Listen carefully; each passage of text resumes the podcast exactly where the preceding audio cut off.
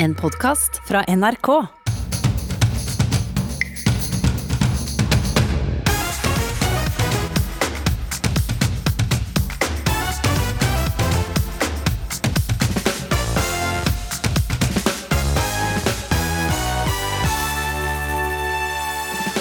Kokain og cannabis blant unge brukes ikke bare på fest. Noen tar også ei stripe før skolen, sier en kokainbruker vi har snakket med. Skipsreder Herbjørn Hansson mener norsk skattepolitikk jager rike folk ut av landet. Alle de intelligente menneskene og dyktige menneskene som flytter ut. Jeg ser det, jeg. Jeg ser det. Jeg ser det i Monaco, jeg ser det i London og andre steder. Hanne har vært sin egen lærer de siste fire ukene. Skolearbeid det er ganske tungt å starte gang med. eh, Når jeg ikke har noen rutiner for det. Vi følger henne og venninnene gjennom denne streikeuka. På flyttefot. Husk å melde flytting i 13-nyhetene, Norges rikeste mann flytter fra landet. Dagsrevyen I dag kom meldingen om at Norges rikeste mann Kjell Inge Røkke flytter fra Norge. og Dagsnytt 18. Kjell Inge Røkke har flyttet til Sveits. Bruk den sentrale flyttemeldingsportalen NRK. Slik eh, hørtes det ut i Nytt på nytt i går, og flyttinga til Røkke har også vi her i Ukeslutt. Fra venstresida i norsk politikk er det unison fordømmelse for skatteflukten fra Norge til Sveits. Det er vanskeligere å finne noen som vil forsvare Røkke. Reporter Kari Li har møtt mannen som alltid forsvarer de rike, Herbjørn Hansson. Norge er jo et av verdens rikeste land. Så vi har jo råd da tydeligvis å kaste bort penger. Men, men jeg beklager jo det. Jeg ser alle de intelligente menneskene og dyktige menneskene som flytter ut. Og jeg ser det, jeg. Jeg ser det. Jeg ser det i Monaco, jeg ser det i London og andre steder. Skipsreder Herbjørn Hansson er verdensvant, men nå sitter han sammen med meg i baksetet på sin Mercedes på vei til kontoret sitt i Oslo. Skal vi kjøre til venstre her, Ingebjørn? Ja. Vi er da Foran sitter sjåfør Ingebjørn. Da skal vi på mitt kontor her nede. Du kjører ikke sjøl. Nei, ikke når jeg skal til Oslo.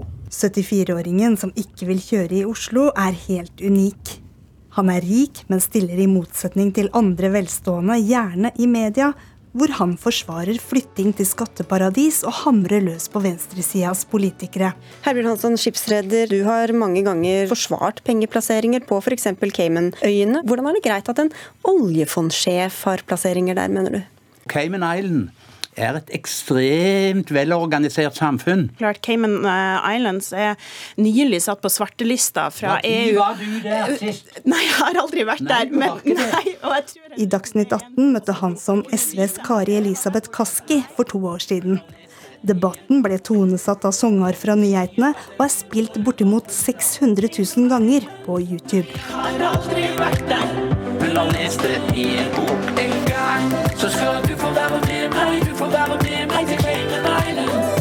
Jeg vil si at han er veldig engasjert og, og godt forberedt.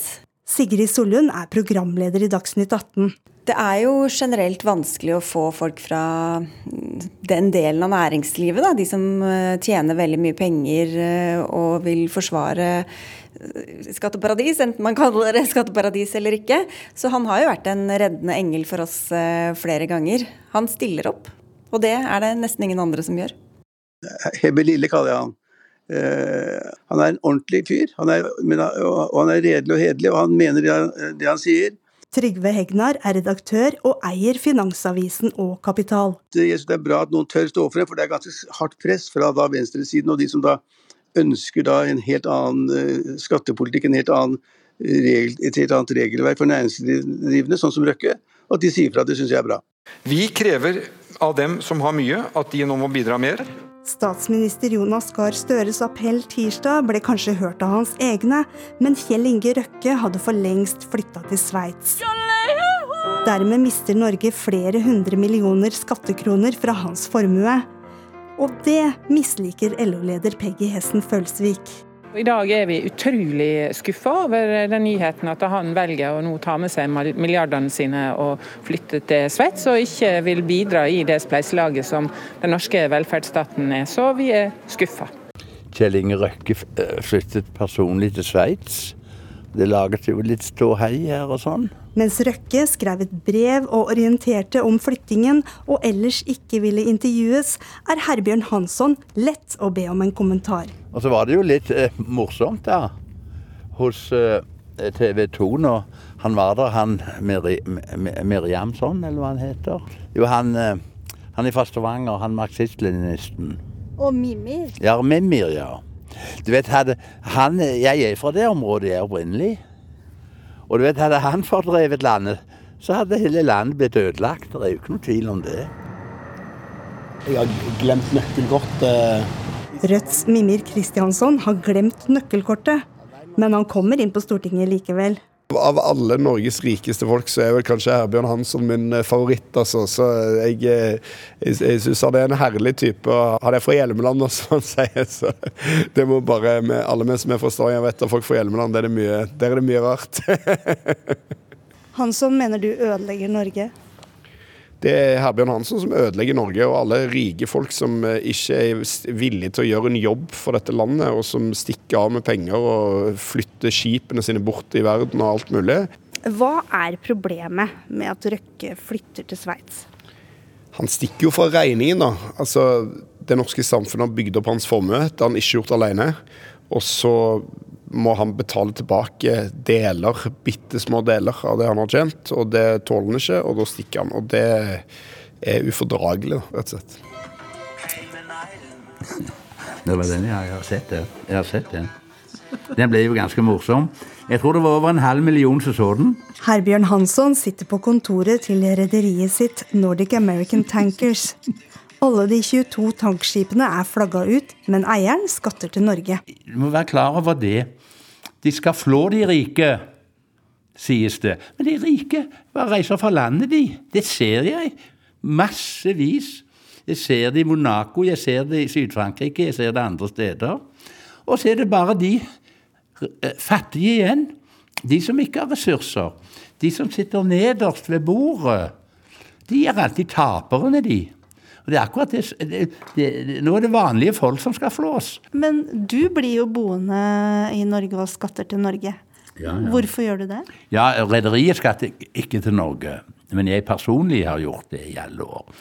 Nei, der er jo en som sa det til meg. Du er dum som er i Norge. Og det, det må jeg jo nesten gi en rett i, altså. Hvorfor tar du debatten for de som flytter? For de kunne jo ha stilt opp sjøl. De er aldri med i en debatt i, hos dere i NRK eller andre steder hvis jeg ikke er helt sikker på at jeg kan mer enn motparten. Hvis jeg ikke er helt sikker på det, så lar jeg det være. Og så, og så er det jo det, kanskje Jeg tar meg ikke selv veldig høytidelig.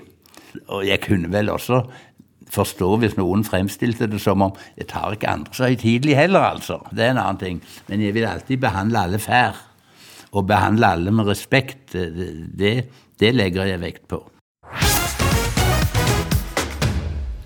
Nå skal vi til en rykende fersk prisvinner. Ja, så ferskt er det at han ikke mottar prisen før i kveld. Vi tjuvstarter her i ukeslutt. Marteprisen, som deles ut av Norsk nettverk for Downs syndrom, deles ut til personer som har bidratt til synliggjøring av mangfold i samfunnet. Og årets vinner er Sven Nordin. Gratulerer med pris. Tusen takk. Hva gir det deg å få en sånn utmerkelse for å bidra til mangfold? Ja, Det gjør meg veldig stolt og glad og ydmyk. Og stor takk til Marte som sitter tvers over bordet for meg her nå. for hadde ikke jeg truffet henne, og hadde ikke hun oppsøkt meg på hytta i Kjerringvik og kommet med forslag om denne forestillingen som vi har gjort sammen, så hadde jeg kanskje ikke fått denne prisen. Så stor takk til deg, Marte, for at du dro meg inn i dette arbeidet. Marte Vekselsen Goksøyr, du er forfatter og skuespiller. Hvordan syns du det gikk å jobbe sammen med Sven? Jeg syns det er hyggelig, jeg. Å samarbeide med mitt eget forbilde. Ja, for han er forbildet? Ja. Har han vært det lenge, eller? Jeg har jo digget ham siden jeg var liten, og ja, jeg vil si, det, jeg vil si lenge, ja. Hvordan er det å jobbe med Marte da, Sven? Du, Hun er en veldig arbeidsom dame. Ganske krevende. Hun gir seg ikke før vi får et bra resultat. Og dette stykket som vi har spilt, som heter Hva faen er problemet? Det har vi jobbet med i forskjellige perioder, og Marte er en sånn person som aldri gir seg. Og Det startet litt sånn forsiktig nede på hytta, men så fikk vi tak i regissør. Bjørn Birk Aune, vi fikk tak i dramaturg, og Marte fikk ordne så vi fikk leie teater. Så hun er en dame som, eh, som krever mye, og som, eh, og som, setter seg mål, og klarer å gjennomføre de målene sine også. Så eh, det har vært veldig stas. og vi hadde en veldig fin tid på, på teatret når vi gjorde dette stykket sammen. Hun er jo kjent for å fronte det å ha Downs syndrom. Hvordan er det annerledes og eventuelt krevende? Nei, Jeg syns jo den eh, debatten som Marte drar opp der med sorteringssamfunnet og, eh, og all problematikken rundt menneskeverd, og at alle mennesker har rett på et verdig og anstendig liv, det er en debatt som det er veldig viktig at vi tar. Og, eh, og, for meg å bli engasjert i det gjennom dette stykket og gjennom å ha truffet Marte, det har vært veldig lærerikt. Og eh, det sier liksom noe om, eh, om det engasjementet og den viktigheten av den jobben som, som Marte gjør gjennom både bøkene sine og forestillingen. Marte, du har blitt beskrevet som en livsnyter med kamphansker, og har selv kalt deg en Jeanne d'Arc. Vi skal høre et lite utdrag av en tale. Kjære kong Harald og resten av kongefamilien. Kjære Norge. Jeg vil gjerne være en Jeanne d'Arc. Hun er fri, selv om bålet venter henne. Hun forteller de som har makten, hva som er viktig for henne i livet. For meg er dette viktig. Jeg vil ikke la andre styre livet mitt. Jeg vil ha anledning til å si ifra hva jeg mener og bli tatt på alvor. Hvorfor er du så glad i å kjempe for det du tror på? Jeg vet ikke ordet kjempe, men eh, jeg, liker å bli hørt. Eh, for den jeg, jeg liker å bli hørt, og jeg, jeg um, vil bli sett på som den jeg er. Sven, um, Hvorfor er det viktig å gi alle typer mennesker en plattform og et uh, publikum? Ja, Det er viktig fordi at uh, jeg syns Marte beskriver det veldig godt. Vi har med i forestillingen vår, så avslutter vi med en låt av Olivar som Marte er veldig glad i, som heter 'En får være som en er, men ikke vart som en sku'. Men inni er vi like, både jeg og du. Og det er noe med at vi, vi vi lever i et fellesskap hvor alle er avhengige av hverandre, og alle mennesker er Eh, sånn som jeg ser det, like mye verdt. Og derfor så, så, fortjener også alle å bli sett i samfunnet. Og dessverre så er det jo sånn at eh, det er jo ikke alle som blir sett like godt. Så jeg tror at det Marte slåss for, eller du er ikke så glad i det ordet slåss, Marte, men, men det Marte snakker om, å bli tatt på alvor og bli sett på som, eh, som, voksen med meninger, og at hun er en samfunnsdebattant som må få lov til å komme til orde med det hun mener er viktig, det er noe som alle mennesker eh, fortjener. Hva har det gitt deg, og hva har du lært av å jobbe med Marte? Jeg har lært å bli veldig mye mer ydmyk, tror jeg. Og jeg tror at den arbeidsprosessen som hun og jeg har hatt, den er kanskje enda mye mer ærlig enn det jeg møter eh, blant en del andre kollegaer. For Marte er en sånn hudløs person. Hun ljuger ikke på scenen. Det er alltid ekte. Så når eh, Marte gråter, så gråter hun på, på ordentlig. Og eh, i forestillingen vår så er det en sånn scene hvor vi sitter på gulvet begge to, hvor hun bare er liksom som et vell av følelser og kommer med hele seg. Og det, det har jeg lært mye av gjennom å si at vi skuespillere kanskje av og til er litt for flinke til å være tekniske og, og, eh, og eh, ikke ta med oss hele, hele, oss inn i scenerommet og tørre å være helt naken og ærlig overfor hverandre. Takk for at dere tok med hele dere hit til studio, og måtte det bli en staselig prisutdeling i kveld. Takk til Sven Nordin og Marte Vekselsen Gokser.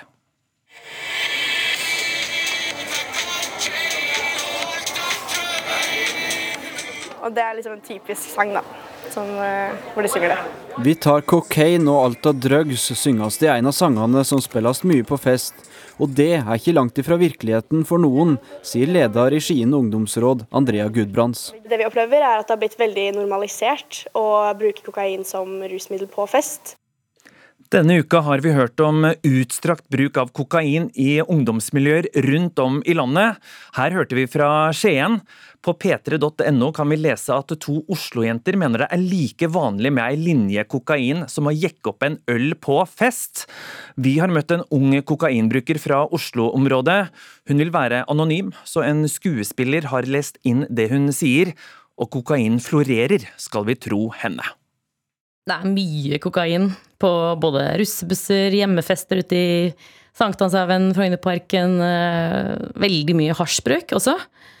Eh, Det er ikke alle som er sånn tar det hele tiden. Det kan være liksom en uke eller tre uker mellom.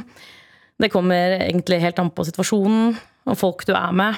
Men veldig mange er åpne for å ta rus. Mange er åpne for å prøve det. Mange er ikke så gira på å ta det. Det er egentlig Det bare eksisterer, egentlig. Hvordan skaffer man seg kokainen, da? Egentlig så er det bare å sende melding til alle du kjenner. Litt sånn Har du noe? Det er ofte mange venner som bare sitter på en pose hjemme, som du bare kjøper og henter. Eller så har du en på Snapchat, eksempel. Men hvorfor ruser dere dere? Jeg tror eh, det meste er rett og slett for å ha det litt gøy. Går man på det dypere nivået, så er det jo litt sånn Nå har det vært mye korona, det er veldig tungt. Det er jo en grunn til at eh, Eller jeg tror det er en grunn til at det har vært veldig mye nå i det siste etter korona. Spesielt i min erfaring er folk litt deprimerte, har litt mer angst. At det har blitt mye mer normalt, og at det er da fint å ja, ta seg en joint i ny og ne og få slappet av litt. Eller ta seg en linje før skolen, det er det jo noen som gjør. Um, bare en type ja, for å rømme litt fra virkeligheten, rett og slett. Hvordan gjør du det? Hvordan jeg gjør det? Jeg er egentlig sånn som bare tar det når jeg er drita og ikke kjenner til noen konsekvenser. Og så spør jeg om noen har, og har de, så tar jeg. Jeg har ingen hemninger rundt det, egentlig. Men når jeg er edru, så sitter jeg og tenker sånn Ok, men denne helga så skal jeg ikke ta. Men så ender jeg opp med å ta det. Men ikke på hverdager. Ingenting. Angrer du etterpå? jeg angrer ikke. Uh, jo, litt, kanskje. Altså, du gjør jo mye og sier mye du kanskje ikke hadde gjort. eh, hva skal man si? Uten å ha tatt det. Eh, men eh, ja. Angrer kanskje litt. Oslo-politiet vil ikke være med å diskutere dette med økt rusbruk blant unge. De skriver de har undersøkt saken, men at de ikke ser noen slik trend. Hva tenker du om det? Jeg, jeg tenker at det er bullshit. Det er overalt. Om du er i Oslo, utenfor Oslo, vestkanten, østkanten. Altså, det er overalt. Alle aldersgrupper. Jeg har sett folk nede i 15-årsalderen, 14-15-årsalderen. Nå snakker jeg fra videregående perspektiv, da. Men også eldre enn det har jeg vært borti. Men det er jo så klart Ja, det er vanskelig å sette en, stati å sette en statistikk på det. Det er vanskelig å finne ut hvor mange Hvor det er hva, liksom. Så jeg skjønner hvorfor de sier det. Folk går jo ikke rundt med kokainposen sin i gaten og roper 'jeg tar kokain', liksom. Man er jo forsiktig. Det er jo fortsatt ulovlig. Hva slags miljø vanker du i? Jeg føler jeg har vanka i veldig mange forskjellige miljøer på forskjellige tider av livet mitt. Eh, Jeg vet ikke Jeg er mye ute både på vestkanten, østkanten, blant hipstere, blant eh, russefolk, krabbrus. Og ja, også blant eh, eldre, yngre. Egentlig alle. Hvorfor eh, forteller du dette nå? Eh, Hva håper du det fører til? Jeg håper det fører til eh, ja, Det blir drøyt å si aksept, men mer forståelse for de unge i dag. Hva de går igjennom. Det har jo vært mye nytt som har skjedd i verden. Det er mye å følge med på. Det har vært mye frem og tilbake med eksamener. Det har Alt har blitt snudd på hodet. Um, og at man har litt forståelse for at man noen ganger så har man bare lyst til å ha det litt gøy. Samtidig passe på at barnet ditt ikke havner på Brugata, da. Men at den skremselspropagandaen som mange foreldre, mange lærere, mange autoritære personer kjører, den funker ikke. Det hjelper ikke å si 'fy faen, tar du dop, du er dum', liksom. Det, det hjelper ikke. Det hjelper å møte med nysgjerrighet, det hjelper å møte med forståelse. Og ha en åpen samtale om det, da, rett og slett. Jenta som sa dette vil altså være anonym, så det var stemmen til en skuespiller vi hørte her. Stula Nås Johansen, du er seksjonsleder i veiledningstjenesten Rusinfo. Hvis jenta vi hørte i intervjuet hadde ringt inn til Rusinfo, hvilke spørsmål hadde du stilt henne? Ja, Det ville jo vært litt avhengig av hva slags bestilling hun kommer med. da. De som tar kontakt med oss, har gjerne, opplever gjerne rusproblemer. Eh, og de som bare driver med festing og syns det er greit, de tar sjelden kontakt med oss. Kanskje annet enn når de vil vite hvor lenge stoffet kan påvises i urinen. Men, eh, men, eh, så det ville vært veldig avhengig av hva slags bestilling hun kommer med. Men hun er ikke bare sånn udelt fornøyd med dette, men kanskje litt bekymret for egen bruk, så ville jeg jo stilt noen spørsmål knyttet til hvordan opplever du dette egentlig? Hvordan går det med deg? Lever du det livet du skal ønske at du levde, eller kommer rusen i veien for det? Og Ut ifra hva man svarer på de spørsmålene, så kan man jo pense dette inn på ok, men har du tenkt noe på å redusere forbruk osv. Hvor eh, gjenkjennelig er historien hennes? Altså, det er jo åpenbart at Eh, det har skjedd noe med kokain, at det er blitt mer vanlig. Man ser det også på, på eh, beslagsstatistikken. Man ser at stoffet som tas nå er vesentlig sterkere enn tidligere. Og når renhetsskaden går opp, så er det gjerne som resultat at det er mye stoff i omløp. Så det er grunn til å tro at det er mer kokain nå enn tidligere. På en annen side så må man tenke at dette er sett fra hennes perspektiv. Hun har ikke innpass i alle ungdomsmiljøer. Og Det finnes også helt klart ungdomsmiljøer hvor dette er helt uaktuelt. Dette er knyttet til ungdom som drikker mye, og som gjerne tar andre rusmidler i tillegg. Hvor både kokain og, og cannabis er en del av det. Men det finnes også mange ungdommer som ikke velger å gjøre dette. Det er viktig å påpeke. Hun eh, fortalte altså om sin egen kokainbruk eh, fra Oslo. Mm. Denne uka har det også kommet nyheter fra Vestfold og Telemark som omhandler kokainbruk blant unge. Ja. Og det er heller ikke ukjent for dere, Alf Christian Grøtteland, avsnittsleder i Møre og Romsdal politidistrikt. Hvordan merker dere det? Du, når det gjelder eh, narkotikabruk, så, er ikke det et isolert eh, østlandsfenomen. Dette er egentlig gjengs eh, i de fleste politidistrikt, det som er trenden. Og vi, vi prater jo med, med ungdom. og og Når det kommer til kokainbruk eller hasj eller MDMA, så opplever vi at tilgjengeligheten den er stor. Ehm, det er god tilgang på stoff. Ehm, når det kommer til tallfesting, så det, kan det være vrient å tallfeste eh, statistikk, for den er jo så vidt nedadgående på, eh, på narkotikastatistikken. Men i samtaler med ungdom, eh, foreldre, så opplever vi at, at ungdom er bekymra for Eh, for eh, bruken av ja, kokain og andre stoffer. Ja, hva sier... Så For vår del så har jo dette vært en, en vedvarende bekymring i grunnen. Ja, hva sier ungdommen i deres distrikt om eget rusbruk? Nei, Det de sier til oss, det er det at eh, eh narkotika, eh, kokain, eh, som det ble nevnt, at det er veldig vanlig. omtrent like vanlig som alkohol, bruk av alkohol. Så på fester og, eh, og, der hvor ungdom ferdes, eh, og hvor det er rusbruk, så er det helt eh, normalt å bruke narkotika. Det er en endring som vi også ser, men også som ungdom og, og foreldre for så vidt forteller oss. Stula Nås Johansen, hva slags stoff er egentlig kokain, og hvorfor er det populært blant ungdom? Ja, dette er jo et sentralstimulerende stoff. så er det stoff som måte, gir deg økt aktivitet. Du blir eh, stimulert slik at du blir rastløs, du blir pratsom, kanskje litt mer sosial, får økt selvfølelse. Kanskje også eh, følelse av økt energi. I tillegg så kan du bli nervøs, urolig, engstelig. Eh, og dette brukes jo veldig ofte i kombinasjon med alkohol, noe som både kan potensiere rusen, men som også øker skadepotensialet. Og Grunnen til at ungdom tar det, er nok mange. Noe er knyttet til det at man ønsker å gjøre noe grenseoverskridende sammen. Eh, at nå bryter vi loven og vi er litt gærne. Noe er knyttet til selve rusopplevelsen. At det er ålreit å bli litt gira og litt mer aktiv ute på byen. Og, og noe er kanskje også knyttet til det at eh, de ønsker å regulere eh, alkoholrusen sin. Altså de kan, de kan bruke kokain for å for å kunne drikke mer, måtte stå i den rusen lenger og på en måte, sånn sett prestere mer da, med tanke på alkoholrusen. Til slutt, eh, Alf Christian Grøtteland, hva gjør dere med dette i politiet? Nei, altså vi i politiet vi, eh, vi fortsetter å uh, prate med, med ungdom og, og foreldre.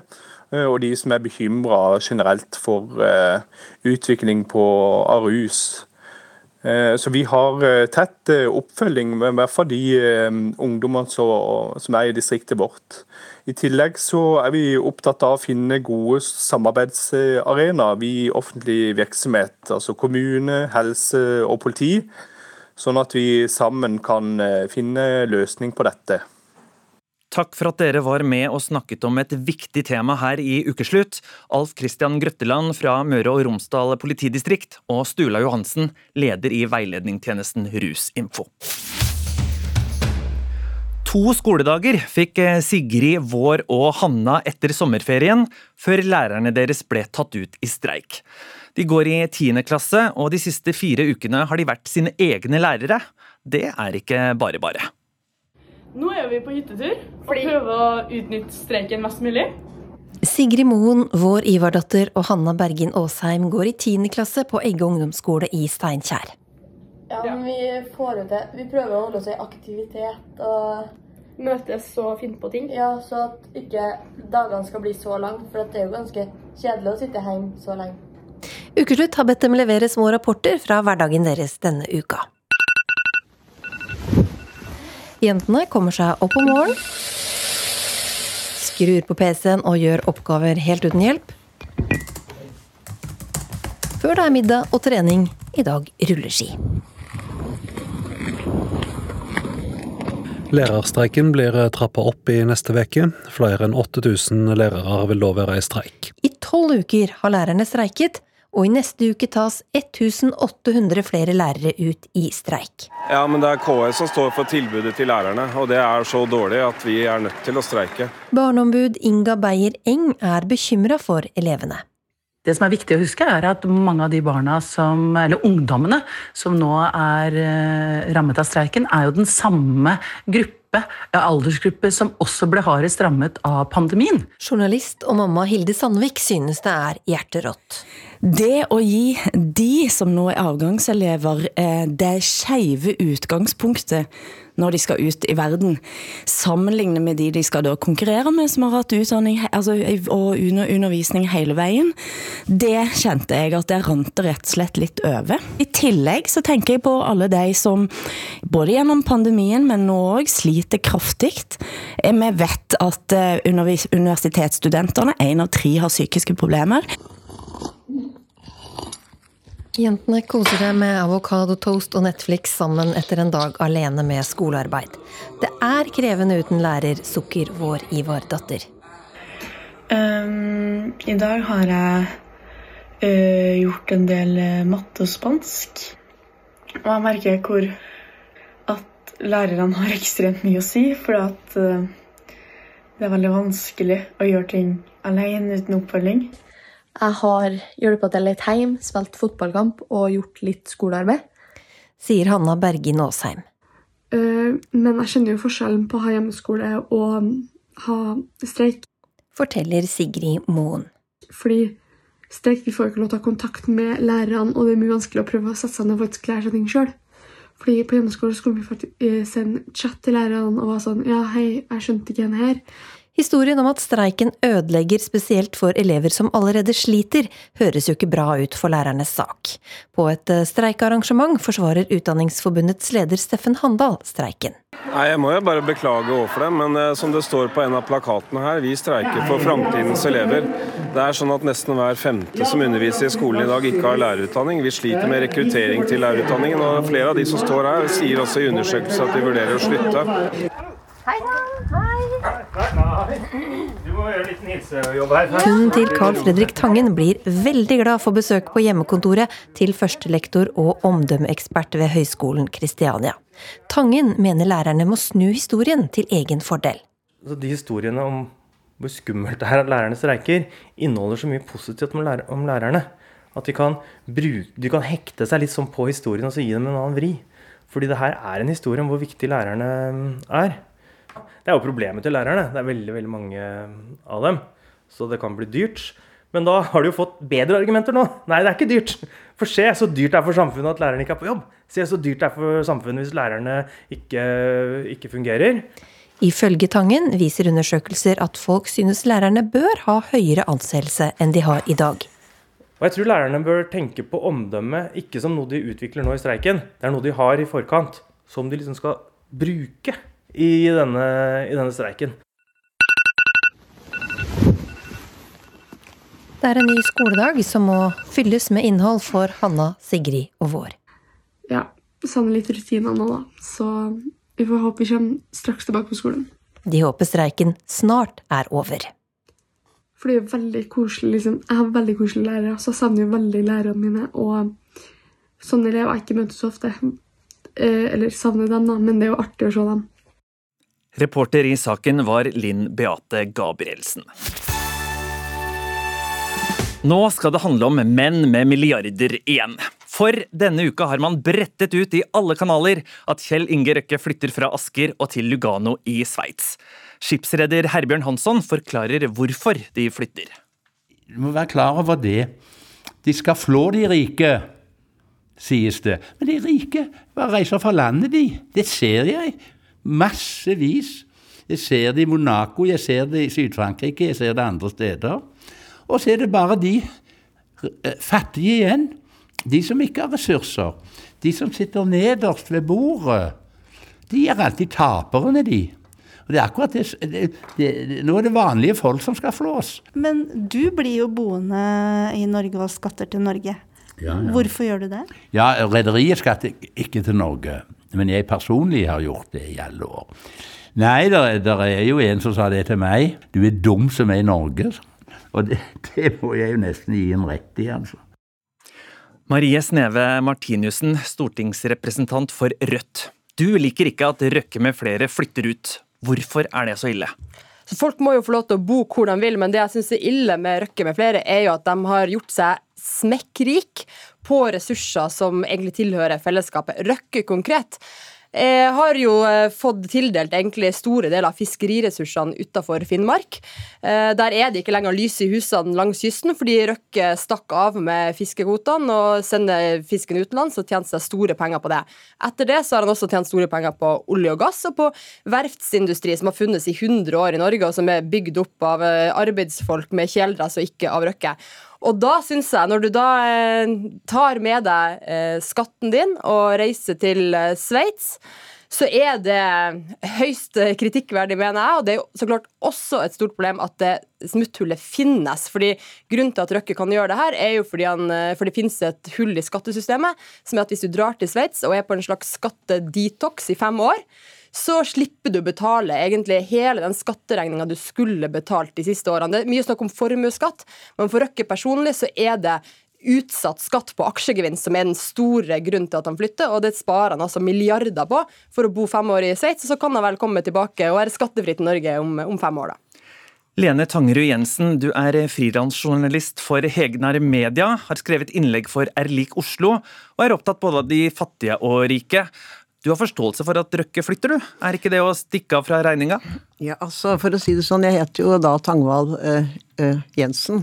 Eh, Stoltenberg kalte meg også Tangvald Pedersen, så altså, kjært navn har mange navn. Ja, altså, la meg si det sånn, hvorfor er jeg her? Jeg er her fordi jeg har lyst til å slå et slag for alle de som jeg har intervjuet. Og det har blitt en god del gjennom disse 25 årene i Hegnar Media, men selvsagt også Jeg liker Oslo. Og jeg syns det er blitt litt sånn nå at eh, Altså, vi, vi heier jo på Haalander, vi heier på Ruud, vi heier på eh, Warholm. Men er du milliardær eller gründer, skapt masse arbeidsplasser, så skal de på mange måter Det er, det, det er liksom blitt en veldig polarisering i samfunnet. Og så tilbake til Kjell Inge Røkke. Eh, jeg har, kjenner ikke han, men jeg syns jo det er veldig leit når entreprenører som han flytter. Og jeg tror igjen, jeg kjenner han ikke, men at han flytter for sin kjærlighet til Aker. Fordi det, og jeg har prøvd å sette meg inn i det, jeg er jo ikke finanssalsmann som, som, som Marie, eh, men etter det jeg forstår La oss si at Kjell Inge Røkke har rundt 40 milliarder kroner i formue. Det er veldig mye penger. Veldig mye penger. Hvis han skal betale all denne skatten, så er det rundt, for å bare ta jevnt, med utbytteskatt og, og den andre skatten, rundt eh, 700 millioner. 700 millioner kroner. Så tenker man da, eller jeg tror mange tenker at ja ja, så skal han stikke fra den regningen. Nei, nei.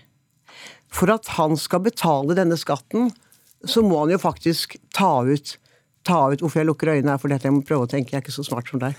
Så må han da faktisk ta ut dette fra Aker.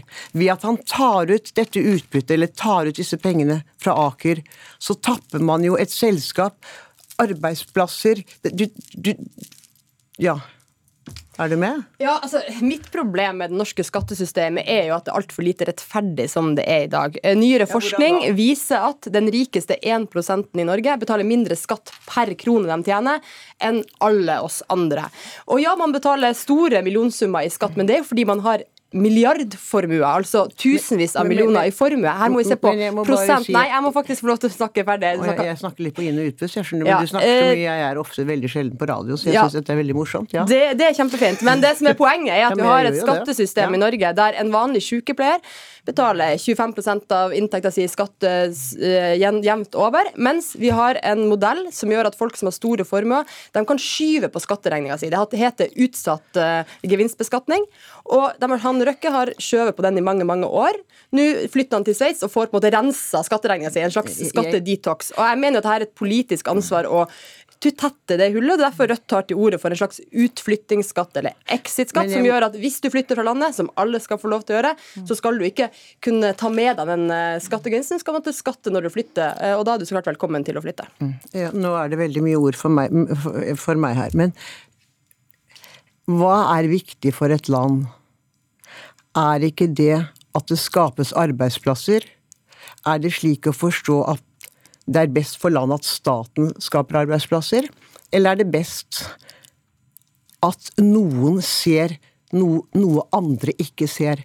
Fordi det er ikke alle mennesker som har disse evnene. Være seg en Kjell Inge Røkke, være seg en Jon Fredriksen, være seg med alle disse små gründerfabrikkene rundt om i landet. Jeg klarer ikke å skape arbeidsplasser. Har, altså, jeg, altså, jeg, jeg, har prøvd, men det gikk ikke så bra, for jeg, jeg greier ikke, jeg orker ikke det ansvaret. Har, altså, har du skapt, jeg må bare spørre, har du skapt arbeidsplasser? Eh, alle vi som delte Ja, ja, har du det? Ja, det har jeg, vet du hva, faktisk. Ja, Fordi ja. samfunnet fungerer sånn at ja, grunnen hvor, til at hvor, hvor, altså, Har du, du har hatt en bedrift? Grunnen til at Nei, det finnes hoteller Jeg må få til å svare deg når du spør meg. Det er sånn uh, høflighet fungerer. Du spør, jeg svarer. Da får jeg mer enn ett sekund til å svare. Ja, men bare ja eller nei, ja. Da blir svaret ja. Kan jeg få lov til å utdype? Eh, alle vi i samfunnet vi finnes uh, koeksisterer i lag. Grunnen til at det finnes hoteller, er jo fordi at jeg og deg og, og programlederen av og til bor på hoteller. Vi har et grunnleggende ulikt syn på hvordan verdier skapes i samfunnet. Røkke spesielt har blitt rik blant på fisken utafor kysten av Finnmark. Han har ikke skapt fisken. Røkke har jo virkelig jobbet fra han var seis.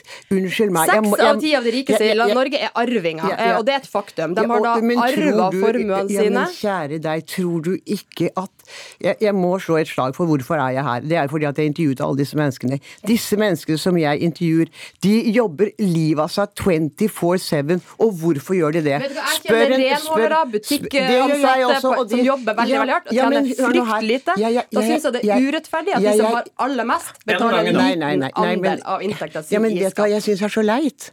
Vet du hva jeg syns er veldig leit? Det er at hvorfor har man det ikke et system hvor man faktisk Altså, alle, Norge er jo et land. Alle vil jo at vi skal være med på samme lag, ikke sant? Eh, vi heier på Haaland, gjør vi ikke det? Vi syns jo det er moro.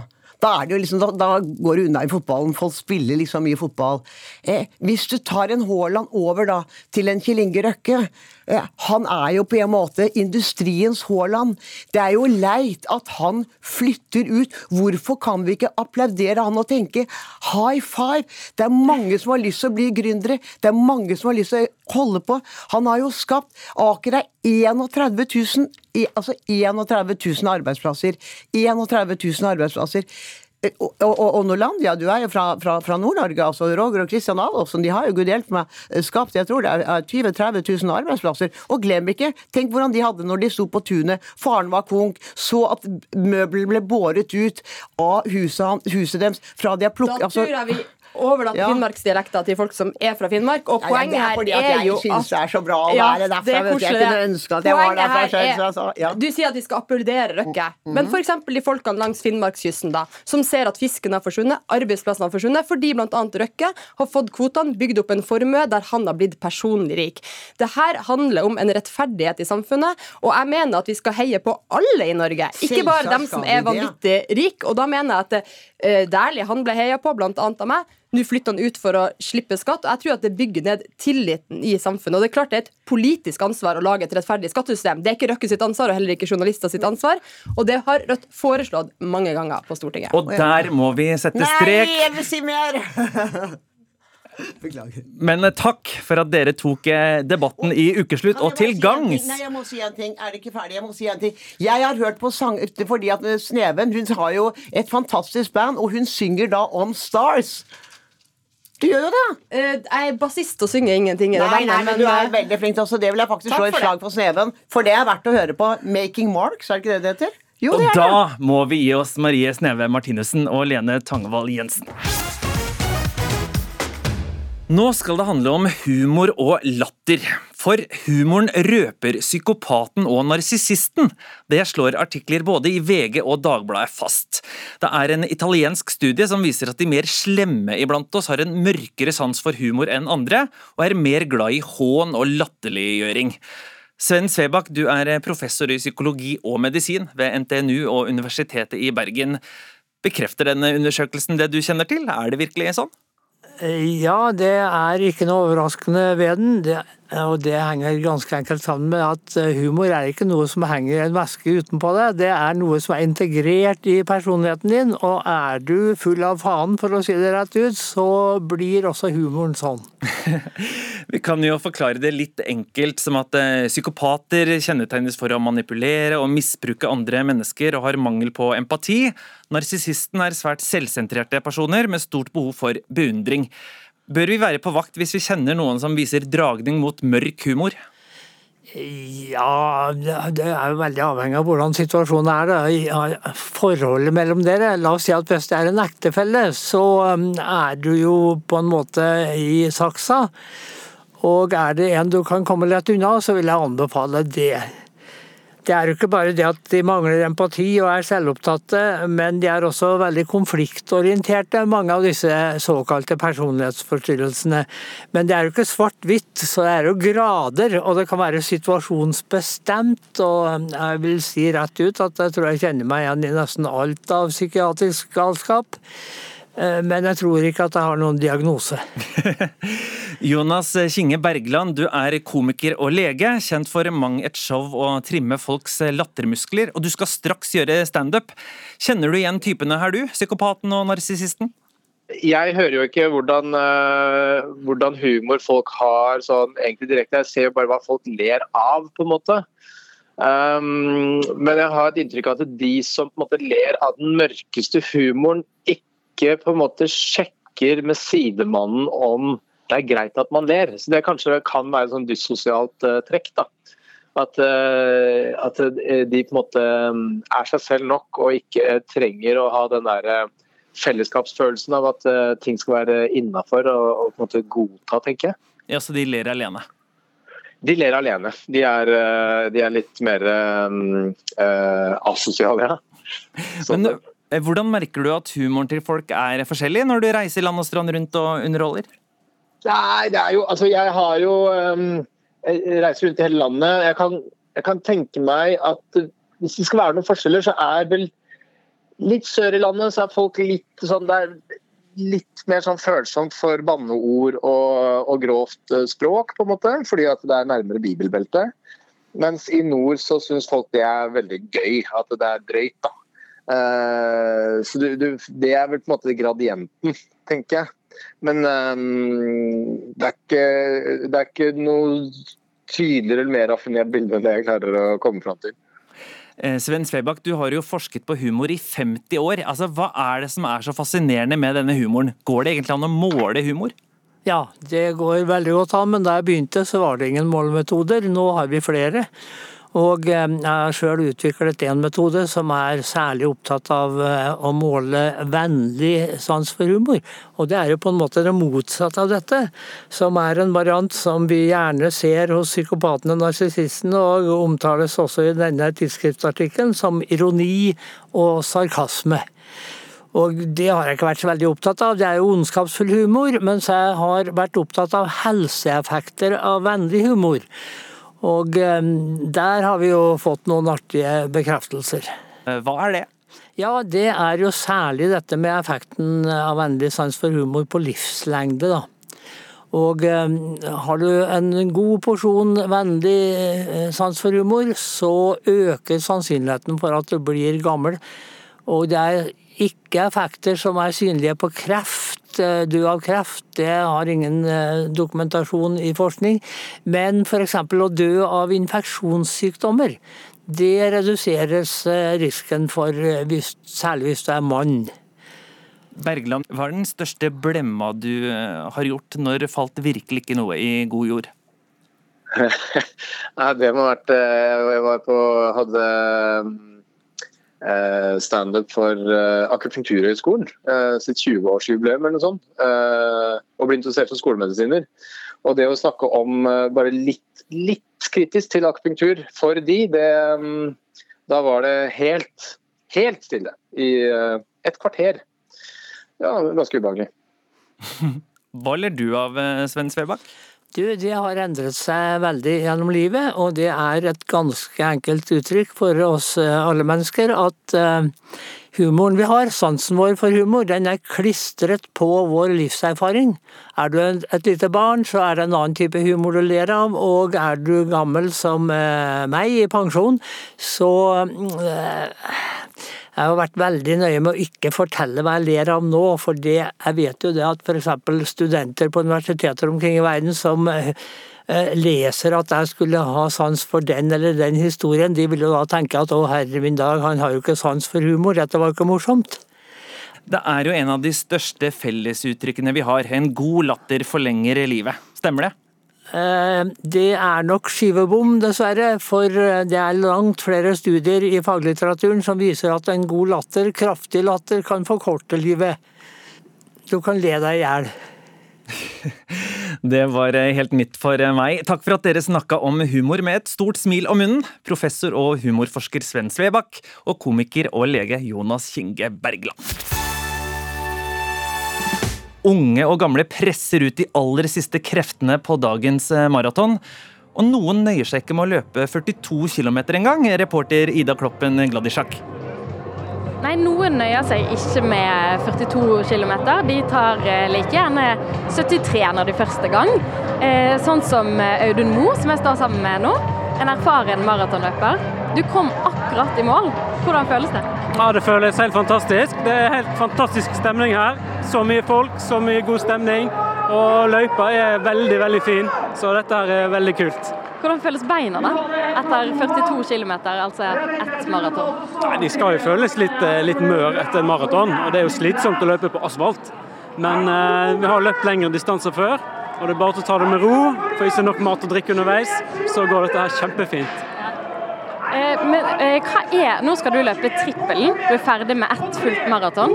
Hva er trippelen for noe? 73 km, men det gjenstår flere runder. Ja, nå skal vi ut på Nå begynner jo snart første pulje på halvmaraton. Så i løpet av en halvtime, 20 minutter nå, så må vi komme i gang, vi òg. Så da er det halvmaraton, og så avslutter vi dagen med 10 km. Ti for Grete, eller hva det heter. Det er i hvert fall 10 km, og det, det blir den beste distansen. Kan du skjønne at det høres litt ko-ko ut for oss som ikke løper så altfor mye? Ja, det, det, kan jeg godt forstå. Det Ultraløp er for noen spesielle type folk, men det er kjekt. Nå står vi i trippelen-teltet, og det er sportsdrikk på bordet, det er sjokomelk, saltmat og selvfølgelig veldig mye vann. Hvordan er det du henter igjen krefter etter første del av maratonet? Det er egentlig litt, som du sier, salter. Salt, salt mat. litt skinke og brød. Fylle opp igjen karbohydratlagrene. Og litt søtt òg. Så det er en god blanding. Men ikke for mye melkeprodukter. Jeg ser, du står her med en eh, skive med polarbrød og skinke. Salt skinke. Er det Ja, du står her med en eh, polarbrødskive. Ja. Ja, det, er- det, det er det enkleste å få i seg. Så må gjøre det enkelt. Når jeg har ikke så god tid, så da må vi bare kjøre på.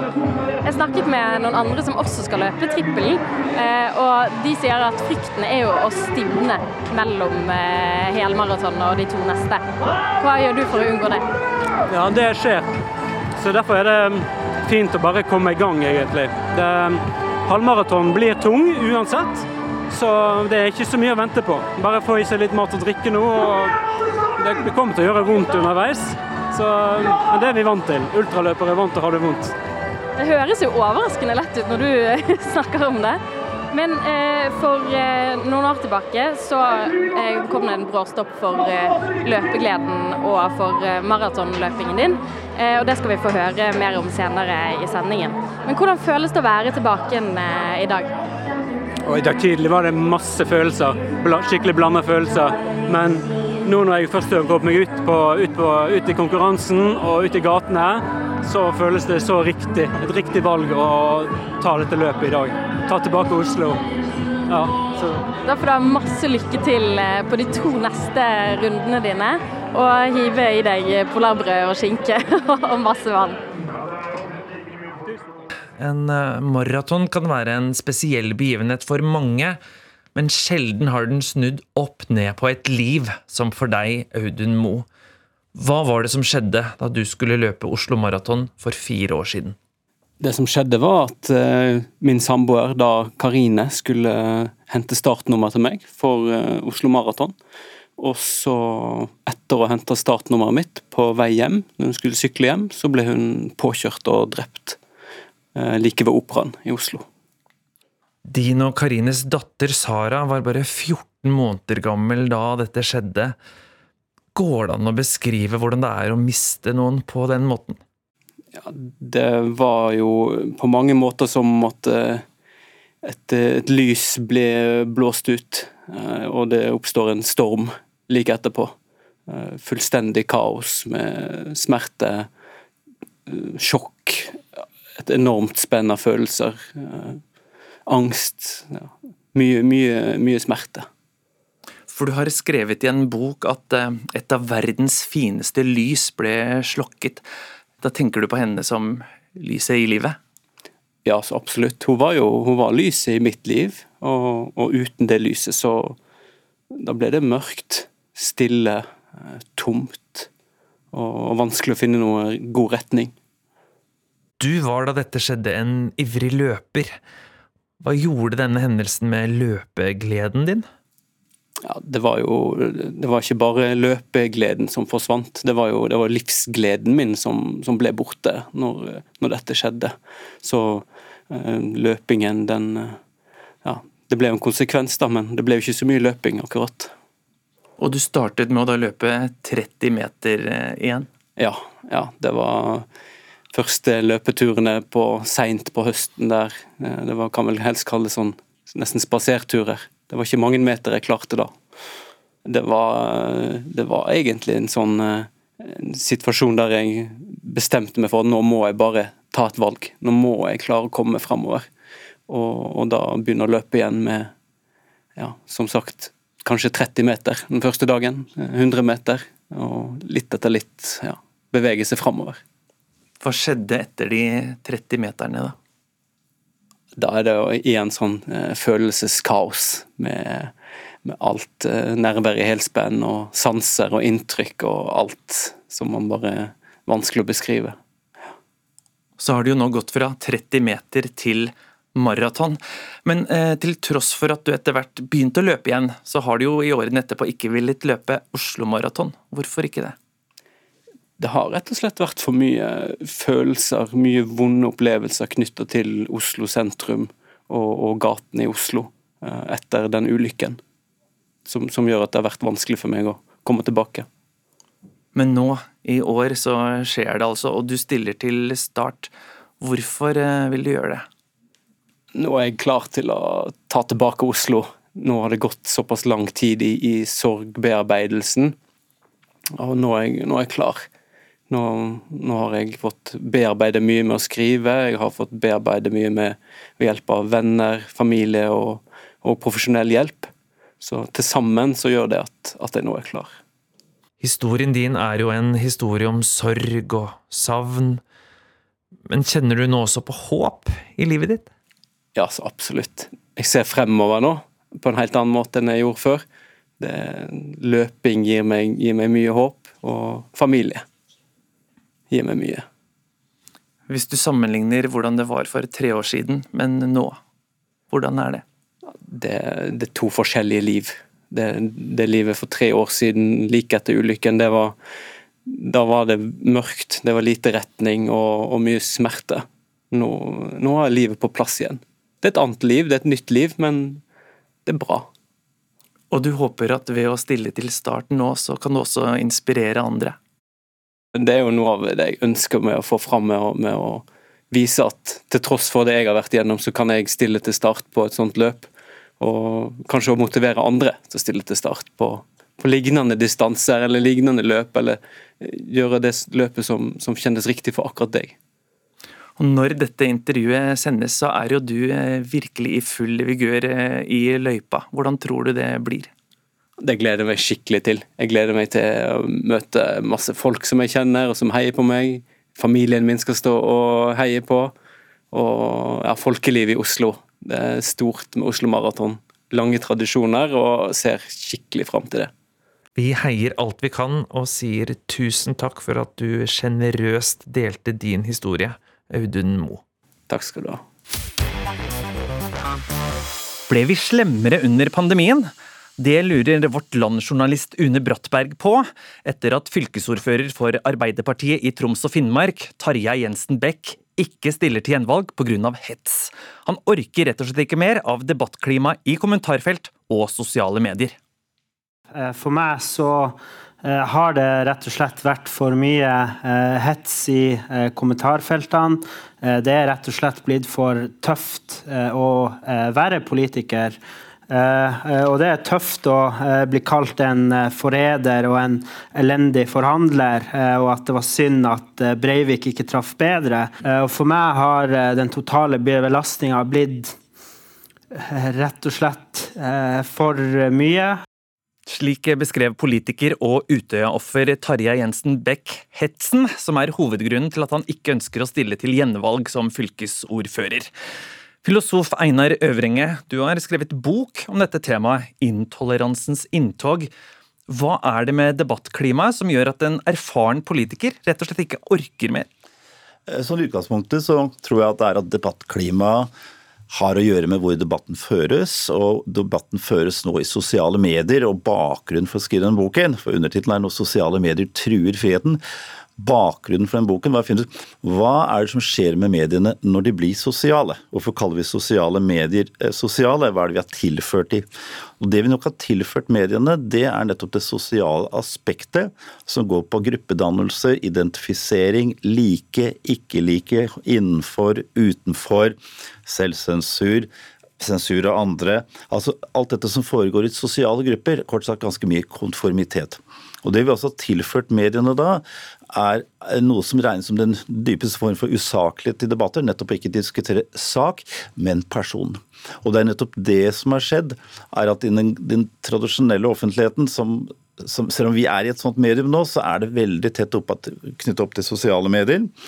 Så vil pers, er det personangrepene Jeg sier ikke alle, og jeg sier ikke alltid, men tendensen er at personangrepene overtar for den saklige uenigheten. Og da truer den nettopp friheten. Folk trekker seg. Da er de ikke med å ytre seg, eller de er ikke med å være politiker. Og det er en trussel for friheten. ikke sant? For den, den arenaen hvor det skulle foregå, blir veldig utrivelig å være i, nettopp fordi det er personangrepene som kommer. Og det er noe av problemstillingen. Liksom, det trenger vi å feste oss litt av. Det, det forsøker å utforske i den boken. Vi har også med oss eh, Ingeborg Senneset, journalist i Aftenposten og samfunnsdebattant. Du har fått din dose hets og stygge kommentarer når du stikker hodet fram i offentligheten. Hva er det folk sier til deg? Eh, først kan jeg si det at det har jo vart ganske lenge. Jeg har vært aktiv i sosiale medier så lenge de har funtes. Eh, jeg er veldig var en del av da det starta og var veldig håpefull da det starta. Og syntes jo på en måte at endelig kunne dem av oss eh, Jeg var jo, da, jeg var jo pasient jeg begynte på Twitter, ikke sant? men det var ingen som visste. Der kunne jeg bare være samfunnsdebattant. Jeg kunne delta uten å ha en posisjon. Så jeg var veldig håpefull på sosiale mediers vegne, og det er jeg fortsatt. Eh, men det er noen sånn skikkelig mørke skyer. Det jeg ikke har snakka så mye om opp igjennom, er jo nettopp hets og sånt fordi at jeg er veldig redd for å skremme bort folk. Men det jeg opplever, er jo at det er tiltakende vanskelig å nå gjennom gjennom støyen. Um, det er ikke så veldig farlig med den ene som kaller meg barnemorder, eller den ene som sier at jeg er ubrukelig, eller den ene som sier at de eh, skulle ønske at de klarte å lese uten at det der stygge trynet mitt blinka foran ansiktet deres, osv. Det er ikke så farlig med alle de enkelte. Ta og Sammenligne med en veps i et rom. Det er kjipt at den er der, og du kan bli stukket, og det er dritt. Men når det gjelder netthets, så er det ikke den ene vepsen. Det er som å ha hodet sitt inni et vepsebol. For det er så mange, det er så massiv mengde og du klarer ikke å holde det fokuset du skal. Da, og du klarer ikke som politiker kanskje å gjøre jobben din, for det er så mye støy. Du klarer ikke som journalist å være eh, til stede eh, fordi at det er så mye støy. Eller jeg som menneske for vanskelig for å være til stede enten i mitt eh, eget eh, samliv eller i jobben min, hva som helst. Og det er der problemet ligger, da, at det blir sånne mengder som gjør at eh, det hindrer deg i å være den deltakeren du kunne burde ha vært. Men jeg er fortsatt veldig redd, også når jeg sitter her nå. Så bare hamrer det i bakhodet at bare herregud, enn om jeg skremmer folk bort. For det er viktig å si det at det norske ordskiftet det er en av verdens beste. Det er bare det at nå står vi på en sånn tipping point der vi kan enten havne i det der polariserte grøten du har i USA eller andre steder, der det er klin umulig og du har bare uh, små hubs som snakker til hverandre, eller vi kan fortsette på den der veldig, veldig fine, men ekstremt sårbare, ganske gode debatten vi kan få til på det beste i Norge. Forstår du at uh, Tarjei Jensen Beck er mett på debattklima og gjør som han gjør? Um, jeg håper inderlig at folk, uh, og han sjøl, ikke dømmer han for å trekke seg nå. Han har søren meg gjort en jobb over tid og vært en deltaker, og jeg syns ikke det er rart at han trekker seg. Uh, og jeg trekker meg fra norsk offentlighet én uh, til to ganger om dagen sjøl. For jeg blir, så, jeg blir så lei noen gang og tenker bare vet du, Jeg orker ikke en dag til. Dette det holder nå, nå får offentligheten klare seg sjøl. Men så dukker det opp en eller annen sak som er akkurat viktigere enn at jeg syns det er litt dritt. Og så er det jo ganske ofte at debattene også kan fungere, når du faktisk får saklig uenighet. Jeg har jo vært i debatter her i NRK med noen som hadde et helt motsatt syn på en sak enn meg, og der vi ender opp med å flire etter sending fordi at vi hadde en god tone, men vi var helt uenige. Så det er mulig. Så jeg har et sånn Jeg håper inderlig ikke at det er et eh, naivt håp om at det går an, men det er i hvert fall det eneste håpet jeg har som er bærekraftig for eh, det norske demokratiet. da. Må vi læres opp i digital folkeskikk, Øverenge? Altså, jeg tror nettopp det vi ser er du håper å si, Har vi blitt slemmere og sånt? Nei, vi har blitt mer digitale. Og det som skjer da Jeg er jo innimellom med på debatter, og debatter er man eh, type Dagsnytt 18 eller lignende, og der er man jo typisk for å være uenig med noen, derfor man er der. Og Vanligvis er det faktisk sånn at før man går inn i debattskarrieren, så blir man sittende og vente på om man skal inn. eller noe sånt, og Da sitter man og snakker om veldig mye annet, og man får et ganske sånn flerdimensjonalt bilde av hverandre. Ok, så Vi er uenige om den ene tingen, men du vet, utrolig mye annet vi er enige i. Sitter og snakker om det, for det gjør man jo typisk.